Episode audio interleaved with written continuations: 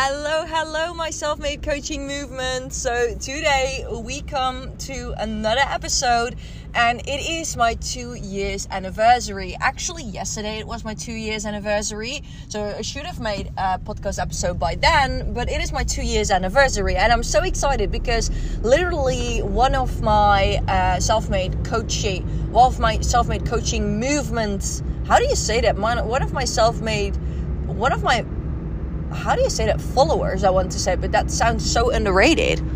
Self made coaches. No. I'm just figuring out how I'm calling the people that are following me. But okay, let me come back to this. Somebody who follows me, obviously, and I know personally, she literally said to me, You'll see it's your two years anniversary, congratulations. And I was like, What? I didn't even took notice of that. And then I realized, like, wow, I have been podcasting for the past two years. I literally I'm, I'm gonna I'm gonna dedicate this podcast episode to podcasting, okay, and how that can change your business and how that can change your life. Because before I started podcasting, let me tell you this story.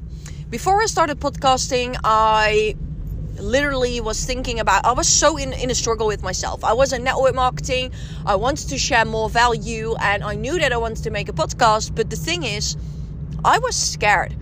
I was scared of what other people would think of me. And maybe you think, like, oh, but you were a powerful business owner at that time already. Yeah, I know. But I was scared as hell.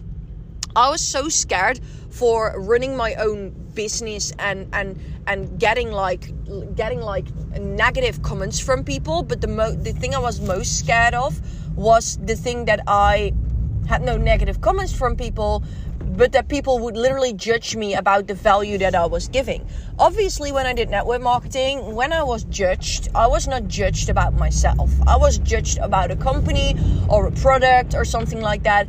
But I had the feeling when I would podcast that people would judge me about my podcast. People would not listen to my podcast. I would only have like 10 followers or 10 listeners, or I would only have like five listeners. I don't, or even no listeners to my podcast episode. And that moment I realized that I'm actually, let me look because I'm also driving to the woods, so I need to take a bit care of driving as well. But that made me realize at that time like hey you need to step into another frequency you need to step into a higher level. And the only way by doing it is by just starting out your podcast. Just give it a name just go find out how it works. And it was such a blockage and I definitely looked up to I did not look up to it. I literally did not look forward to it. I thought oh my should I do this? And and what are the blockages? Maybe it's very difficult. Maybe i need to have a studio because you see all these professional people with with microphones recording their podcast episodes. And then i was like okay i really need to think about how to record your podcast and when i find that out it's not a struggle anymore so i went finding out how to record a podcast and i came across a video which showed me that i could just record my podcast episode with my phone and i was like okay cool um the fun part about this is, by the way, that I will launch uh, a course and that has to do with podcasting. I will launch that course in March. It's going to be huge, it's going to be next level. What you're going to learn and how it's going to work, and what I'm going to tell you and explain you over there will be continued. So make sure that you keep an eye on my account and you keep following me. But it will be huge it will be huge and it will be so good for business owners if you're in network marketing if you're in coaching it genuinely doesn't matter but you can build your business next level because podcasting is the business model of 2023 so when we dive into it i was looking at how i could podcast actually and i was just looking at it and looking at it and i figured out how i needed to podcast and that moment i literally saw somebody else from the business who I'm really good friends with, by the way. I absolutely love her, but I saw her launching her podcast. And first of all, I went mad because I was like, what is she doing? And then I realized one, I never told her that I was going to launch a podcast. And two, I spoke out loud, hey, I'm going to launch a podcast.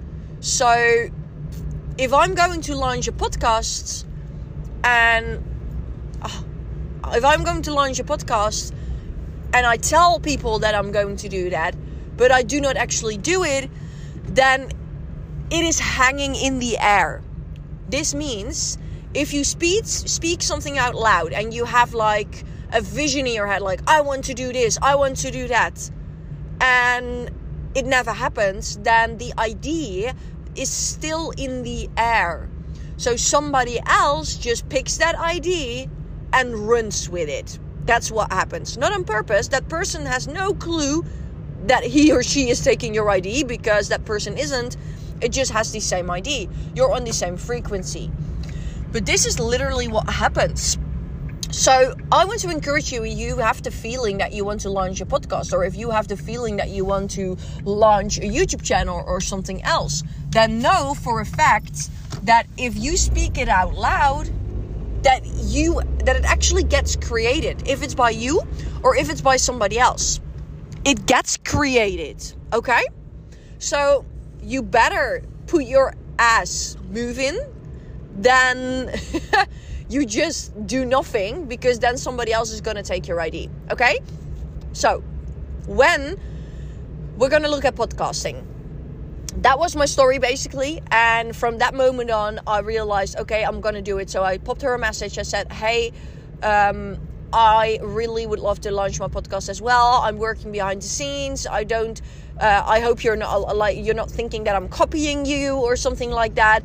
And she was like, Oh no, of course, just do it. You know, we're on the same wavelength. We are on the same the exact same wavelength. So I was like, okay, cool. And that moment I started launching my podcast. So that was a push that I needed. Literally seeing somebody else launching something that I really wanted to do and I've been in my head with for like a year, but I did not dare to do it.